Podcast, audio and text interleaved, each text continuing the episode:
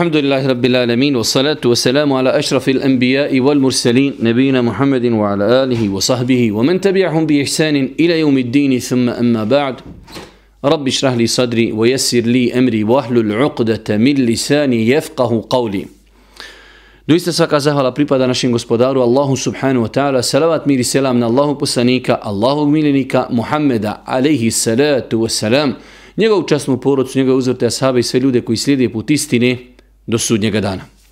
Uvažna braću, poštovani sestre, uvažni gledatelji, ovo je naš jubilarni deseti dan zimske škole Islama. Večeras ako Bog da imamo 19. i 20. predavanje. Sinuć smo započeli jedno kraće poglavlje i e, tu smo stali iako imamo određene propise koji se vezuju za to poglavlje. Naime, radi se o poglavlju imameta, pa smo govorili e, o nekim propisima koji se eksplicitno vezuju za poglavlje kada se ljudi kada se ljudi okupi na jednom mjestu, e, koje je najprioritetniji da e, klanja ljudima e, u toj situaciji s tim što smo spomenuli odnosno nadam se da smo se da smo spomenuli da u slučaju kada ljudi dođu u džamiju koji postoji imenovan efendija ili hođa ili znači neko ko ljude već predvodi u džamiji onda je on najprioritetniji da ljude predvodi bez obzira da li iza njega bio neko ko je učeni ili ne. Znači, ako dođemo u situaciju kada smo u džamiji i u toj džamiji postoji imam koji je postavljen od institucije koja nadzire te džamije, onda je taj imam definitivno najprioritetniji da predvodi ljude u namazu. Ono što smo juče spominjali, da je najprioritetniji da ljude predvodi u namazu insan koji zna najviše Kur'ana, to u slučaju kada ljudi negdje zajedno klanjaju, a nije u pitanju džamija ili ne postoji imam koji je imenovan. Danas nastavljamo vezano za e, određene propise koji se vezuju za safove, a samim tim i određeni sa, e, propisi koji se vezuju za imamstvo. Prva stvar, kada su u pitanju safovi e, u ovoj našoj plementoj vjeri, e, Islam je mnogo pažnije posvetio preciznosti, ravnanju safova i tome kako ljudi se ravnaju u safove prilikom obavljanja namaza u džematu. Allah poslanik alaih salatu wasalam izrekao je s jedne strane mnoge hadise koji ukazuju na vrijednost prvog safa, a s druge strane izrekao opet mnoge hadise koji ukazuju na opasnost toga da se zbijanju i ravnanju safova ne posvećuje pažnja. Pa kaže Allah poslanik u jednom od hadisa, kada bi ljudi znali kakva ih nagrada očekuje od dolaska u ranu, eh, od ranog dolaska u džamiju i klanjanja u prvom safu. Tako da, eh, znači, u islamu postoji velika nagrada za ljude koji dolaze rano u džamiju i za ljude koji klanjaju u prvom safu. Islamski učenjaci, kada govori o ravnanju safova, pošto mi prvenstveno sada govorimo o ravnanju safova, eh, zauzeli su dva stava, jedan, odnosno većinska, većinski dio islamskih učenjaka smatrao je da je ravnanje safova potvrđeni sunnet da to nije obaveza. Ali je bilo islamski učenjaka shodno određenim hadisima Božih poslanika ali se letu selam koji su smatrali da ravnanje safova prije nego što se počne klanjati namaz u džematu je obaveza vađib. Tako da samim tim e, znači imamo jedan stav koji nam kaže da je to vađib, a drugi nam kaže da je to sunnet. Tako da bez obzira ako bi rekli da je sunnet, onda se trebamo truditi da oponašamo i slijedimo sunnet Božijeg poslanika ali se letu selam, a ako bi rekli da je ravnanje safova vađib, i obaveza, onda znači e, bez imalo sumnje muslimani prije nego počnu klanjati namaz u džematu trebali bi da se potrude u pogledu ravnanja safova. Kaže Allah poslanik ali se letu selam u više hadisa letu sufufekum au le Allahu bejne vuđuhikum ili ćete vi poravnati safove popuniti safove, poravnati ili će Allah razjediniti vaša srca i vaša lica. Pa je znači ovo jedna velika prijetnja, mi znamo da u islamu kada dođe određena prijetnja za određeni postupak, da čak islamski učenjaci kažu da je to i veliki grijeh.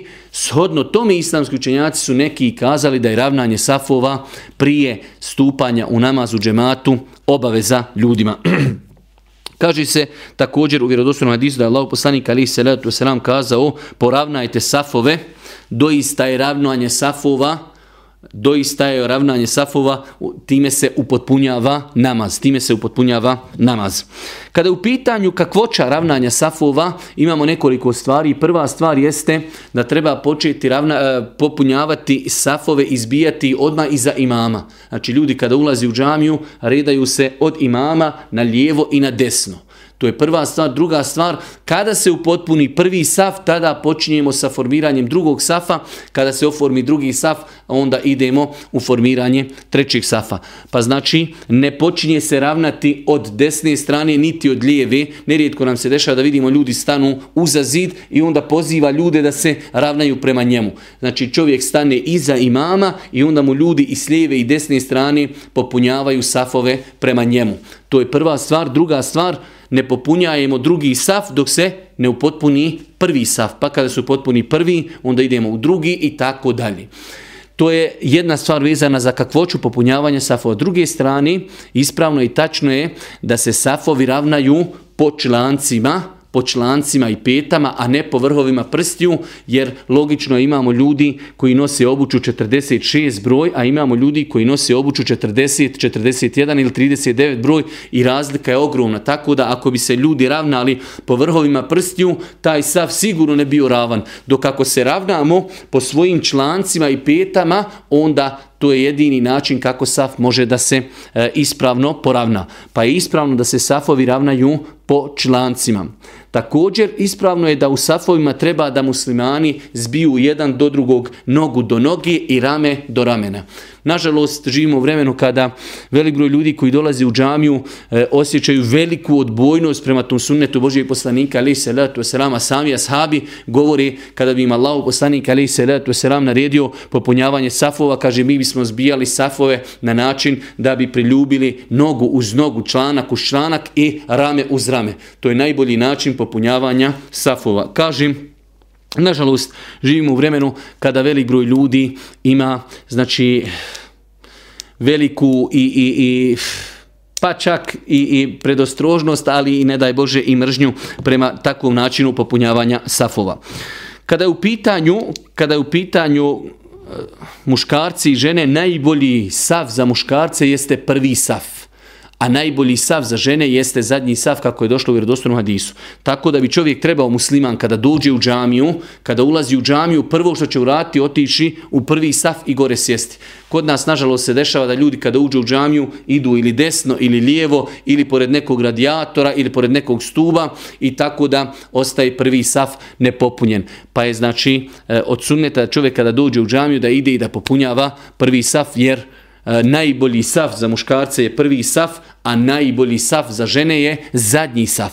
Svakako ovaj hadis, e, njegovo ispravno razumijevanje jeste da onog momenta ovaj hadis se razumije da se on odnosi na situaciju kada žene klanjaju sa muškarcima u jednom mešćidu i nema između njih i e, žena prijegrade. Dok ako bi žene klanjale na spratu i ako bi žene bile odvojene od muškaraca, onda je i za žene najbolji saf prvi saf. Znači ovaj hadis, najbolji safovi za muškarce su prvi, a najbolji safovi za žene su e, zadnji, odnosi se na situaciju kada žene klanjaju sa muškarcima u istoj prostoriji. Pošto imamo džamija, znači sva džamija je jedna prostorija, muškarci klanjaju naprijed, žene klanjaju nazad. Tada je za žene najbolje da klanjaju u zadnjim safovima. Ovdje se postavlja također vezano za propise ravnanje safova pitanje da čovjek klanja izvan safa. Ja sam lično gledao da dosta puta sam vidio ljude koji e, imaju priliku, znači ima mjesta u, u safu, ali oni klanjaju sami izvan safa. Allahu poslanik ali salatu wasalam e, u više vjerodostojnih hadisa je potvrdio da insan koji klanja sam izvan safa, a bilo je mjesta da klanja u, e, u safu, njegov namaz nije ispravan. Poslanik ali se letu selam ljudima je naređivao ponavljanje namaza. Tako da čovjek vjernik treba da se potrudi kada dođe u džamiju, nekada je džamija povelika, pa je poteško otići na kraj safa lijevo ili desno, pa je lakše stati na sredinu i tu klanjati pa makar i sam. Znači, moramo zapamtiti da postoji vjerodostojni hadisi u kojima Allah poslanik ali se letu selam spominje da insan koji klanja sam iza safa da je njegov namaz neispravan. Ovo se odnosi na situaciju kada čovjek ima mogućnost da uđe u saf. Za razliku da čovjek dođe i zaista saf se upotpunju i nema ni jednog mjesta u safu. Šta će tada čovjek uraditi definitivno da će klanjati sam? Postavlja se pitanje u takvoj situaciji ako je čovjek došao i zatekao ljude upotpunili su saf, da li nekoga iz safa da potegne pa da sa njim klanja da ne bude sam?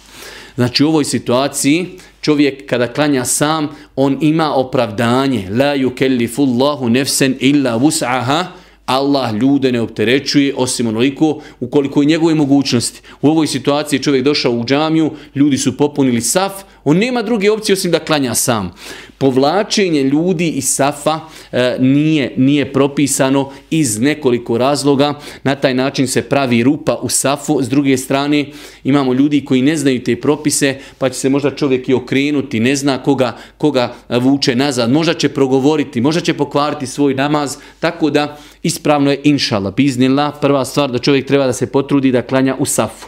Ako bi se desilo da dođe u džamiju i da je saf popunjen, čovjek će klanjati sam. Nakon toga, e, mi kad smo govorili o sutri, ali eto da potvrdimo samo ta pitanja, e, pošto sutra i safovi su, ajde da kažemo, propisi koji se između, so, između se, znači, e, povezani su, E, sutra imama i perda imama je perda klanjača. Tako da ako bi čovjek imao potrebu da hoda između safova, on ima pravo i nije griješan kada se ljudi kada ljudi klanjaju u džematu, jedino gdje se ne smije hodati jeste između imama i njegove perde i njegove sutre.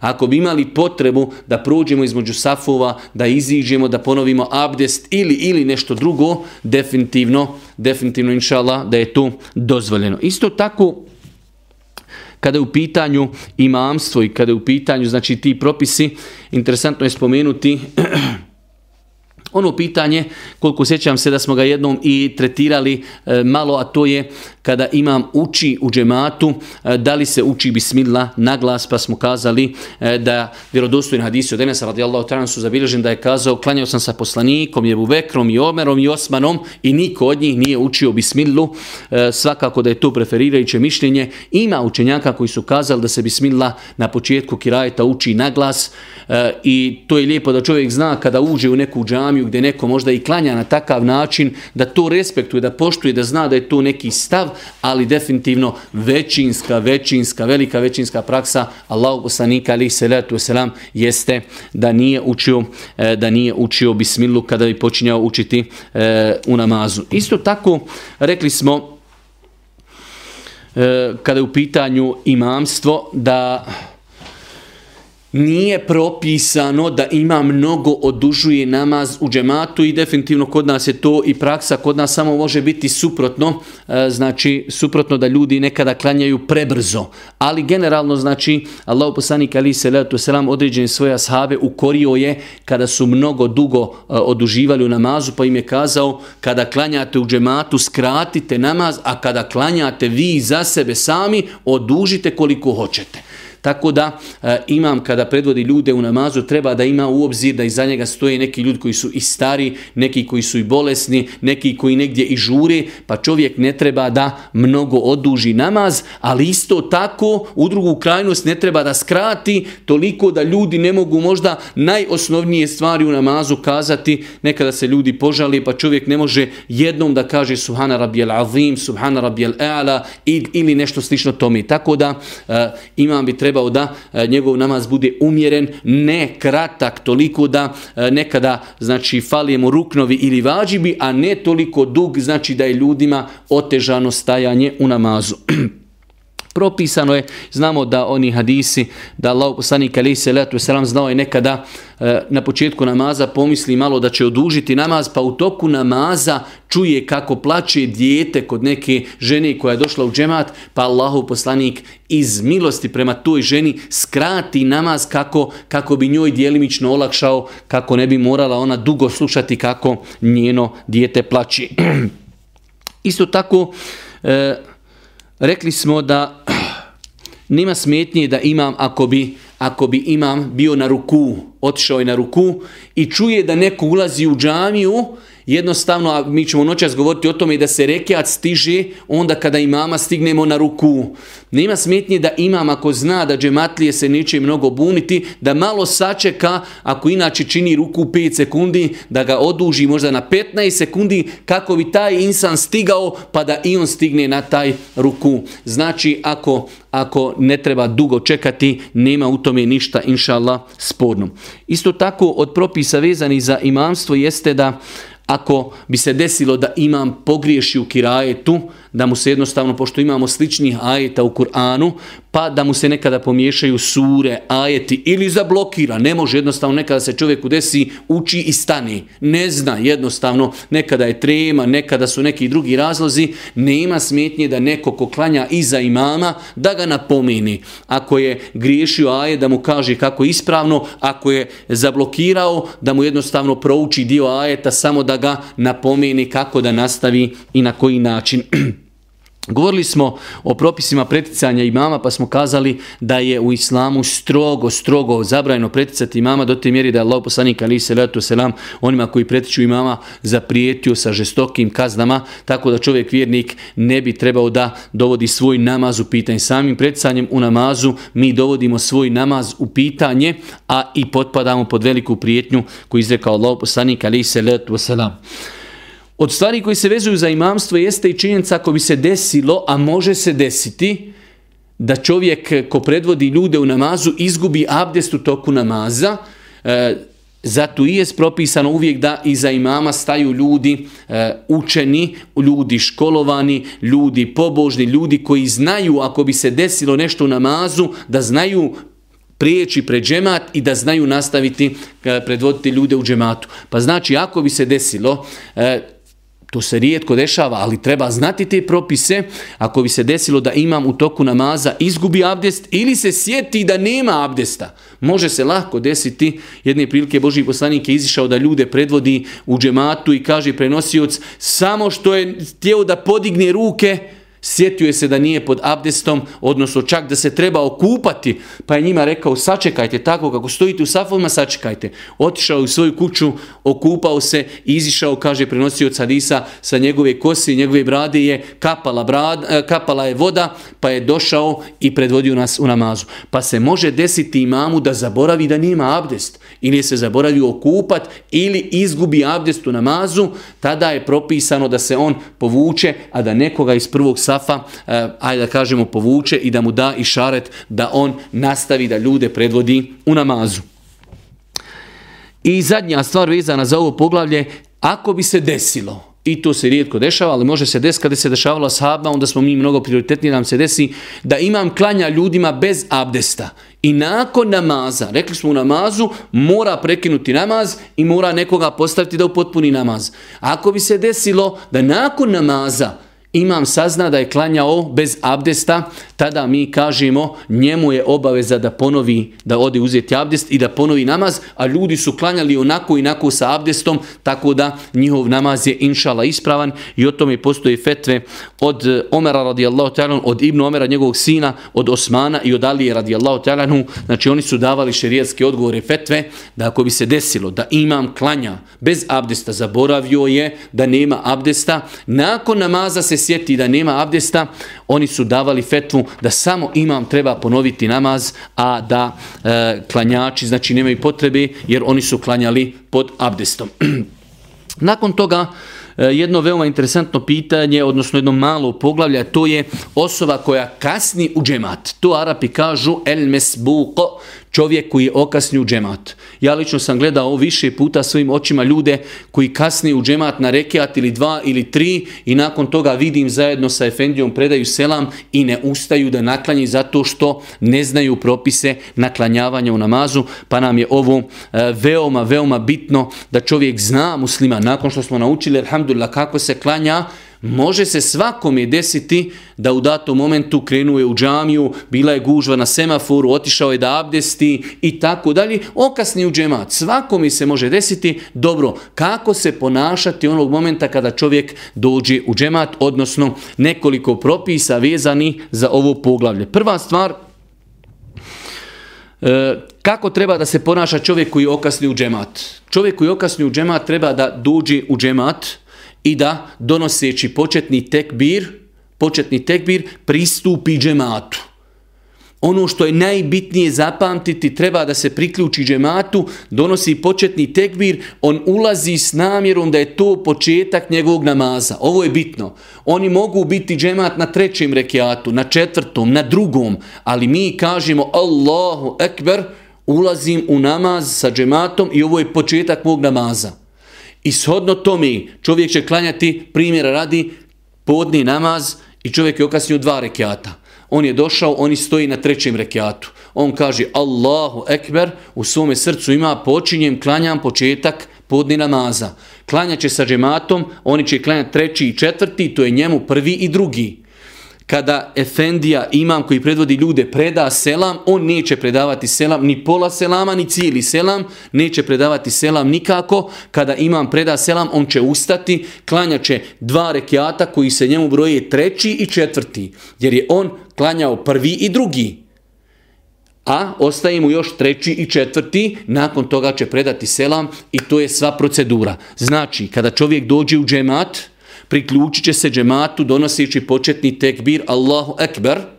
Poslije ćemo govoriti da ako bi žurio, mora se obavezno potruditi da potpuno stojeći izgovori početni tekbir Allahu Ekber. Jer zna se desiti kada imam na ruku čovjek požuri da stigne imama da, da mu se taj rekiat broji. I onda čovjek kaže Allahu Ekber i počne se već saginjati neispravno. Čovjek mora mirno stati i kazati Allahu Ekber sa zadnjim slovom R, kad njega izgovori ima pravo da počne da ide na ruku, pa ako stigne i mama, stigao je. Pa je veoma bitno, znači, zapamtiti čovjek kada kasni u džemat.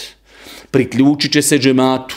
U stojećem stavu apsolutno izgovoriti riječi Allahu Ekber kada završi sa slovom R, Allahu Ekber, ima pravo da ide, znači da stigne džemat ondje gdje su oni stigli od namaza.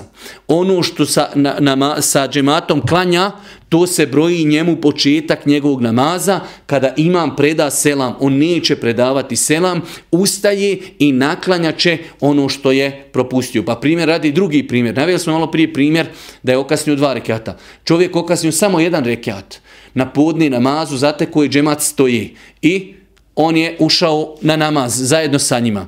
Pa je vidio da su klanjali jedan rekiat, pa su sjedili na etehijatu, pa su ustali, klanjali drugi i treći. Znači, oni su klanjali četiri rekiata, a on je klanjao tri. Kada imam preda selam, on će ustati i klanjati onaj četvrti rekiat. Obrnuto, čovjek je došao na podni namaz i džemat je klanjao tri rekiata, stoji na četvrtom. On ulazi Allahu Ekber i klanja sa njima jedan rekiat. Samo jedan rekiat. Predaju oni selam, on ustaje šta? Ustaje na drugi. Nakon drugog će šta? Jer kad čovjek sam klanja podni namaz nakon drugog, uči on etehijatu. Nakon etehijatu ustaje, klanja treći, klanja četvrti, predaje selam. Znači, bitno nam je zapamti onog momenta kada ulazimo u džemat, mi ulazimo s nijetom da je to početak našeg namaza. Ono što stignemo sa džematom klanjati, klanjat ćemo. Ono što smo propustili, to ćemo naklanjati i to će biti kraj našeg namaza. Kada je u pitanju sama vrijednost džemata, Hoćemo, ono, sinoć smo kazali da je namaz u džematu 27 puta vrijedniji od namaza pojedinca. Kažu islamski učenjaci, koliki god dio namaza u džematu da čovjek stigne sa džematom, njemu se inšala broji nagrada džemata. Tako kad bi čovjek zatekao ljude sjedi na etehijatu. Allahu ekber priključi se i oni predaju selam, on će ustati klanjati ako je pitanju podne četiri rekiata. Ali on ima nagradu džemata, jer ih je stigao, klanjao je u džematu. To je nagrada džemata. Propis džemata je nešto drugo. Propis džemata je da stignemo minimalno jedan rekiat. Kaže Allah poslanik alaihi salatu wasalam u vjerodostornom hadisu, ko stigne ruku jednog rekiata, on je stigao taj rekiat i stigao je taj namaz. Tako da, a veoma nam je bitno, sad ćemo govoriti o džumi, zašto da znamo šta je razlika između vrijednosti džemata i propisa džemata. Primjera radi, džuma namaz. Čovjek je okasnio na džumu namaz i okasnio jedan rekiat, stigao je jedan. Ok. Stigao je na drugom rekiatu, je stigao u džamiju, ljudi klanjaju džumu. On će klanjati sa njima taj drugi rekiat, njihov drugi, njemu je prvi. Kada predaju selam, on će ustati klanjaći još jedan. Ali ako bi, jer je stigao jedan rekiat džumi, ako bi na džumi njih stigao na etehijatu, završavaju dva rekiata, on nije od džumije ništa stigao. Kada oni predaju selam, on će ustati i klanjati četiri rekiata podni. Pa nam je veoma bitno znati šta znači stigniti nagradu džemata, šta nam znači stignuti namaz u džematu. Pa namaz u džematu se stiže kada stignemo jedan rekiat. A jedan rekiat se stiže kada stignemo ući sa džematom, i stignemo imama na ruku. Nije se još vratio sa rukua svakako po preferirajućem mišljenju. pa nam je znači veoma bitno da zapamtimo razlika stići nagradu džemata to ćemo stići ako Bog da sa bilo koji dio džemata da se priključimo džematu, mi imamo nagradu džemata. Ali propis džemata je da moramo stići jedan rekiat. Jedan rekiat moramo stići minimalno da smo stigli Efendiju koji predvodi ljude, da smo ga stigli na ruku, on se još nije ispravio. Dobro.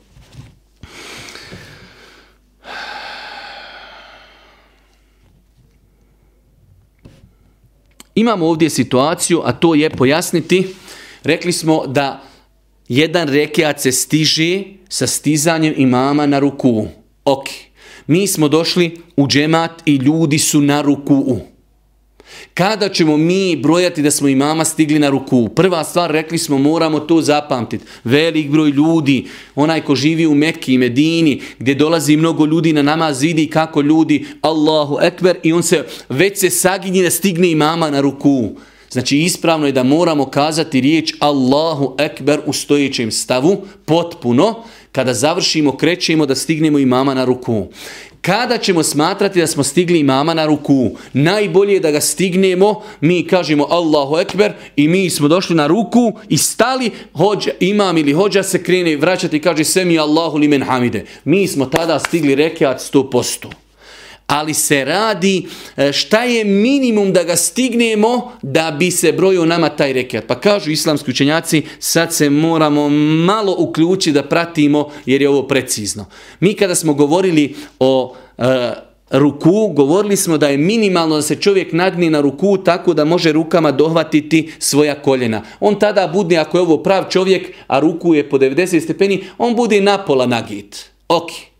To nam je minimalni ruku. Kažu islamski učenjaci kada insan stoji i krenuje da stigne imama na ruku. Ako on uđe u zonu rukua, ovu, prije nego što imam napusti tu zonu, on je stigao ruku. Inšala bizna, nadam se, volio da imam ovdje tablu da to nacrtam. Čovjek kada stoji, da bi mi kazali da je njegov ruku validan, minimalno se mora toliko pogijeti da rukama dohvati koljena. I tada je čovjek otprilike negdje, e, znači u tom nekom, sad ne mogu se sjetiti te stepene, koliko to bude stepeni, ali znači u, mi stojimo u pravom stavu, imamo 90 stepeni kada je čovjek na ruku. Napola kada stigne i kada može voći svojim rukama dohvati koljena, on je ušao u zonu rukua. I kada bi tako učinio ruku, njegovim šala je ruku ispravan, a rekli smo da je od suneta da mu leđa budu ravna. Kada čovjek hoće da stigne ruku, ako uspije oni ući u zonu rukua, prije nego što imam napusti tu zonu rukua, on je stigao. U svakom slučaju, to je više teorija, teško je to praktično, ali je veoma bitno da čovjek to zna. Ono što je najbolje da čovjek ako uspije kazati Allahu Ekber i stigne na ruku, a Efendija se tek vraća, on je inšala bi iznila stigao taj rekiat. Pitanje je e, koliko, rekja, koliko e, tekbira čovjek treba da kaže kada je zatekao imama na ruku.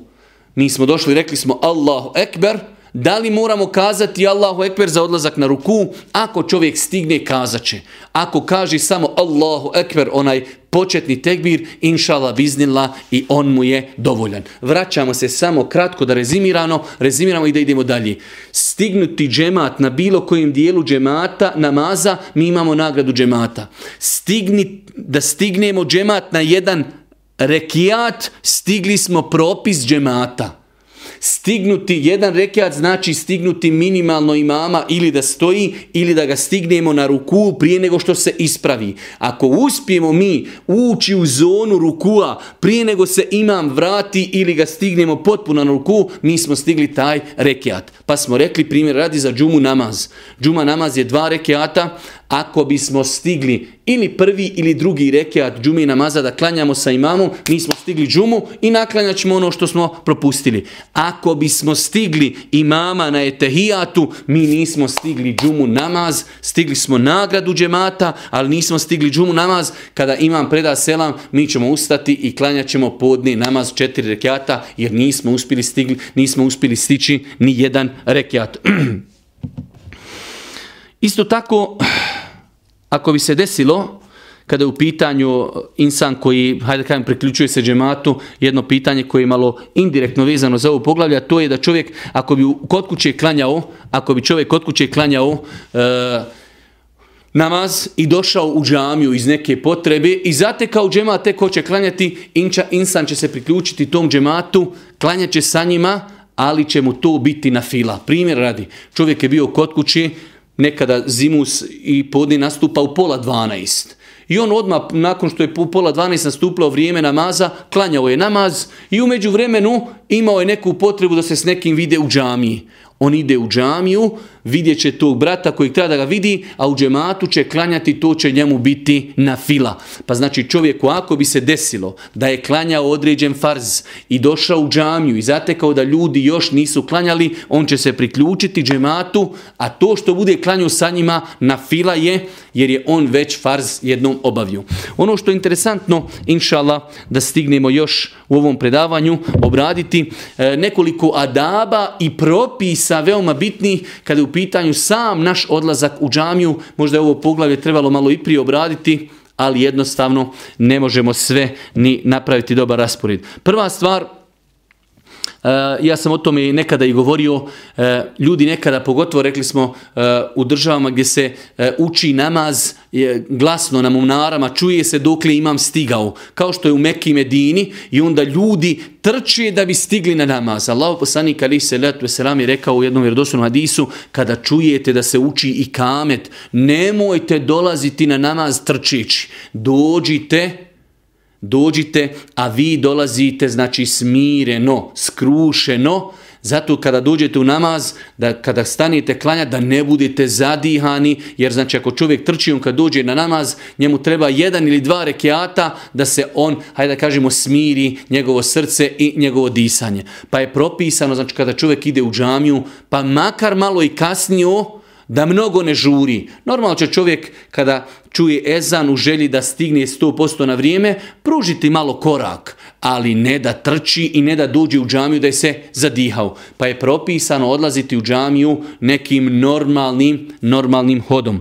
Isto tako, E, govorili smo jednom da e, Allah poslanik alejhi salatu selam zabranjuje da čovjek prilikom odlaska u džamiju i u džamiji isprepliče prste. Nakon namaza je to inšala dopušteno kao što je činio Boži poslanik, ali prilikom odlaska u džamiju i u džamiji pokuđeno je da čovjek isprepliče prste na ovakav način. Isto tako Pohvalno je kada je u pitanju odlazak u džamiju da čovjek u granicama svoje mogućnosti, pogotovo ljudi koji su malo u godinama, penzioneri, nemaju obaveza, subota i nedjelja, neradni dani, da čovjek ode ranije u džamiju, jer je Allah poslanik ali se letu selam u mnogim hadisima posticao na rani dolazak u džamiju i e, iščekivanje namaza u džamiji. Isto tako pohvalno i lijepo je kada čovjek dođe u džamiju da ne sjeda, već da klanja tahijetul mesđid. Znači velik broj ljudi vidimo kada uđu u džamiju odmah sjednu što je u jednu ruku suprotno sunnetu. Allah poslani kaže u vjerodostojnom hadisu kada neko od vas uđe u džamiju neka ne sjeda, zabranjuje, neka ne sjeda dok ne klanja dva, dva rekiata. Isto tako, rekli smo, to je nešto poznato e, kada je u pitanju ulazak u džamiju, da bi u džamiju čovjek trebao da ulazi desnom nogom, da izlazi iz džamije lijevom nogom. U stvari koji su lijepo da ih poznaje čovjek jeste da ako je već čovjek u džamiji i čuje učenje ezana u džamiji već da je nakon toga njemu zabranjeno izići iz džamije osim da zaista ima neku veliku potrebu. Primjer radi čovjek je ušao u džamiju, ezan uči Žena nazove, desilo se kod kuće nešto veliko, da li dijete se posjeklo ili ili, dobro. Ali e, ezan uči čovjek u džami i iziđe čovjek kao neću klanjati u džematu, idem e, klanjati kod kuće, to je zabranjeno. Znači, Ebu Hurire radijallahu ta'ala kada je vidio jednog čovjeka e, kako je izišao nakon ezana e, i džamije kaže, a što se tiče ovoga, ova je nepokoran Božijem poslaniku, ali se letu selam, tako da je ispravno i tačno da čovjek e, ne treba da izlazi iz džamije nakon što se prouči jezan, a on u džamiji, osim da zaista se desi nešto krupno i veliko, da ima dne veliku potrebu da iziđe iz džamije. Isto tako, rekli smo, kada smo malo prije govorili da je lijepo da ako čovjek već ulazi u džamiju, da odma ide i da popunjava redom safove. Danas ćemo govoriti u drugom predavanju o propisima prelazenja preko vratova ljudi i znači e, da bi čovjek popunio prazinu safu. Generalno je u islamu zabranjeno i pokuđeno da čovjek prelazi preko ljudi da bi popunio saf. Ali onog momenta kada ljudi zakažu, da su ljudi kada dolazi u džamiju odmah ravnali se u safove i popunjavali safove, oni koji nazad dođu, oni će dolaziti u zadnje safove. Kod nas se ljudi redaju oko vrata, oko vrata i onda gore po sredini džamije ostaju prazna mjesta. Logično je kada neko dođe i vidi gore prazno mjesto, kako će? Mora hodati preko safova. Pa je u islamu pokuđeno hodati preko safova, osim ako vidimo gore mjesto, kako bi popunili safove. Pa znači osnova je kada čovjek dolazi u džamiju, treba da ide i da popunjava prvi saf, da se ljudi natječu u popunjavanju prvi safova. Isto tako povalno i lijepo e, da čovjek E, da čovjek prouči, e, znači, odnosno e, da se približi imamu, sama činjenica što je bliže imamu, ako je hudba bolje će čuti, ako je namaz bolje će čuti kako imam uči i sigurno će se bolje koncentrisati. Prilikom ulaska i izlaska u džamiju proučiti dove koji su zabilježeni od Božije poslanika, alihi salatu wasalam. Nakon toga, braću moja draga i cijene sestre, evo do kraja ovog prvog dersa počet ćemo, inša Allah, počet ćemo sa ovom zadnjom temom koju ćemo večeras obrađivati, a to je namaz, e, džuma namaz. Mi smo najavili da ćemo inša Allah do kraja e, iz fika obrađivati džumu namaz, dženazu namaz, nakon toga inša Allah poglavlje posta i nakon toga ćemo prijeći da obradimo neka interesantna poglavlja iz e, međuljudskih odnosa, pošto nam se nerijetko dešava da ljudi i uče nešto o vjeri, o namazu, o zekijatu, o postu, ali iz nekih poglavlja kao što je brak, kao što je razvod braka, kao što su zakljetve, kao što je odjeća, kao što je ishrana i mnoge neke druge stvari, ljudi dosta puta ni najosnovnija pitanja iz tih poglavlja ne znaju, pa ćemo ako Bog da e, uskoro prijeći i na ta poglavlja. E, džuma namaz. Džuma namaz e, je namaz koji se klanja petkom umjesto podni namaza. Džuma namaz je poseban namaz. Ovo je veoma bitno zapamtiti. Poseban namaz nije to zamjena za podni. Zašto nam je ovo bitno? Iz razloga koje čovjek musafir ne može spojiti podne i kindiju ne može, odnosno ne može spojiti džumu i ikindiju, jer je džuma zaseban namaz. Pa je džuma, definicija džumi namaza, jeste da je to zaseban namaz koji se klanja petkom, u periodu kada sunce znači pređe polovinu neba, u vremenu kada se inače klanja podni namaz. Tako da moramo u startu zapamtiti da je džuma namaz zaseban namaz, poseban namaz koji se klanja petkom u periodu kada bi se klanjala, kada bi se klanjalo podni kada u pitanju sam dan petak, Allah poslanik alaih salatu wasalam o samom danu petku kao jednom sedmičnom prazniku muslimana, iako ovdje kada kažemo samo praznik, e, znači zbog džume, a nikako e, da se na taj dan ne smije ništa raditi, čak je znači propisano u islamu prije džume, Allah Đelšanu kaže kada se pozovete na džumu, ostavite kupoprodaju. A nakon opet džume Allah Đelšanu kaže fenteširu fil ardi, a nakon džume opet se raširite po zemlji i tražite Allahove blagodati, pa je u islamu petkom dozvoljeno raditi i prije džume i poslije džume. Bitno je da čovjek dođe i na vrijeme e, čist i u lijepom ambijentu obavi džumu namaz. U svakom slučaju, Allah poslanik ali se letu veselam izrekao je mnogi hadise koji ukazuju na vrijednost generalno dana petka. Po jednom od tih hadisa kaže Allah poslanik, najbolji dan u kojem iziđe sunce je petak, u tom, a, u tom danu je stvoren Adem a.s.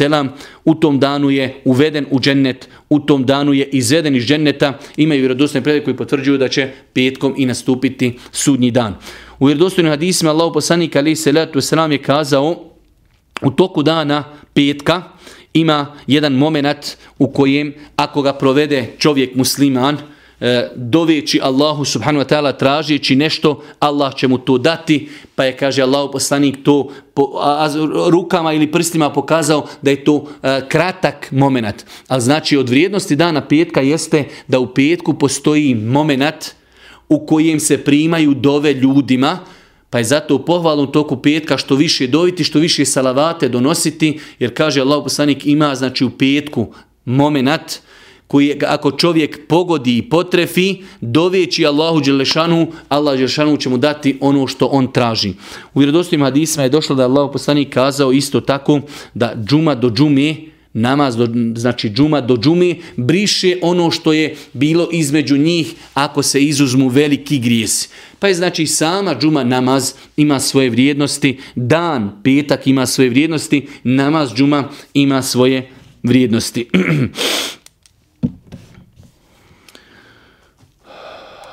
Ono što je interesantno spomenuti prije nego počnemo govoriti o, o džumi, da spomenemo neki propis vezan za a, sam petak, kako bi ako Bog da a, u drugom predavanju počeli govoriti o propisima džumi, o propisima hudbe, o kakvoći namaza. A, kada je u pitanju post na dan petka, kada je u pitanju post na dan petka, E, kažu islamski učenjaci sodno opet hadisma Božih poslanika ali se letu selam da Allah poslanik ali se letu selam kazao neka niko od vas ne posti petkom osim da posti dan prije i dan poslije.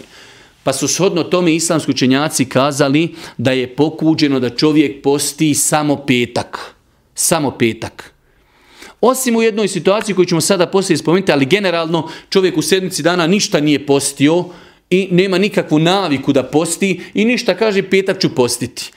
Zabranio je Boži poslanik ali se selam da se posti samo petak. Ili se uz njega spoji četvrtak ili se uz njega spoji subota. Pa čovjek kaže postim četvrtak i postiću petak. Ili postim petak ali ću postiti subotu. Pa znači generalno je pravilo da ne treba postiti samo dan petak. Ovo je lijepo zapamtiti jer je to naš sedmični praznik, a s druge strane postoji neka druga tumačenja zašto se ne posti e, dan petak sam. Znači prvo što ćemo zapamtiti kada je u pitanju post na dana petka da se petak sam ne posti. Može se postiti dan prije njega i dan poslije njega. Osim u situaciji kada petak pada na neki post koji čovjek ima običaj da posti. Pa primjera radi, ako se desi čovjek u svakom mjesecu posti bijele dane.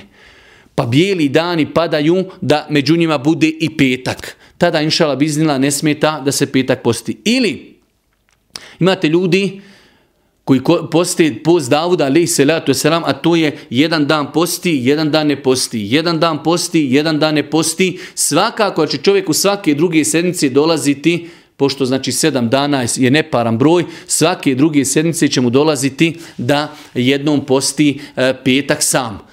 U toj situaciji ako čovjek ima neki običaj svoj da posti i pada mu taj običaj na petak, inšala bi iznila, eh, nema smetnje da tada posti petak sam ali generalno je pravilo da petak ne treba postiti onako, samo nismo postili u sedmici dana nijedan dan i kam ja bi postio petak. Onda trebamo uz petak postiti ili četvrtak ili subotu.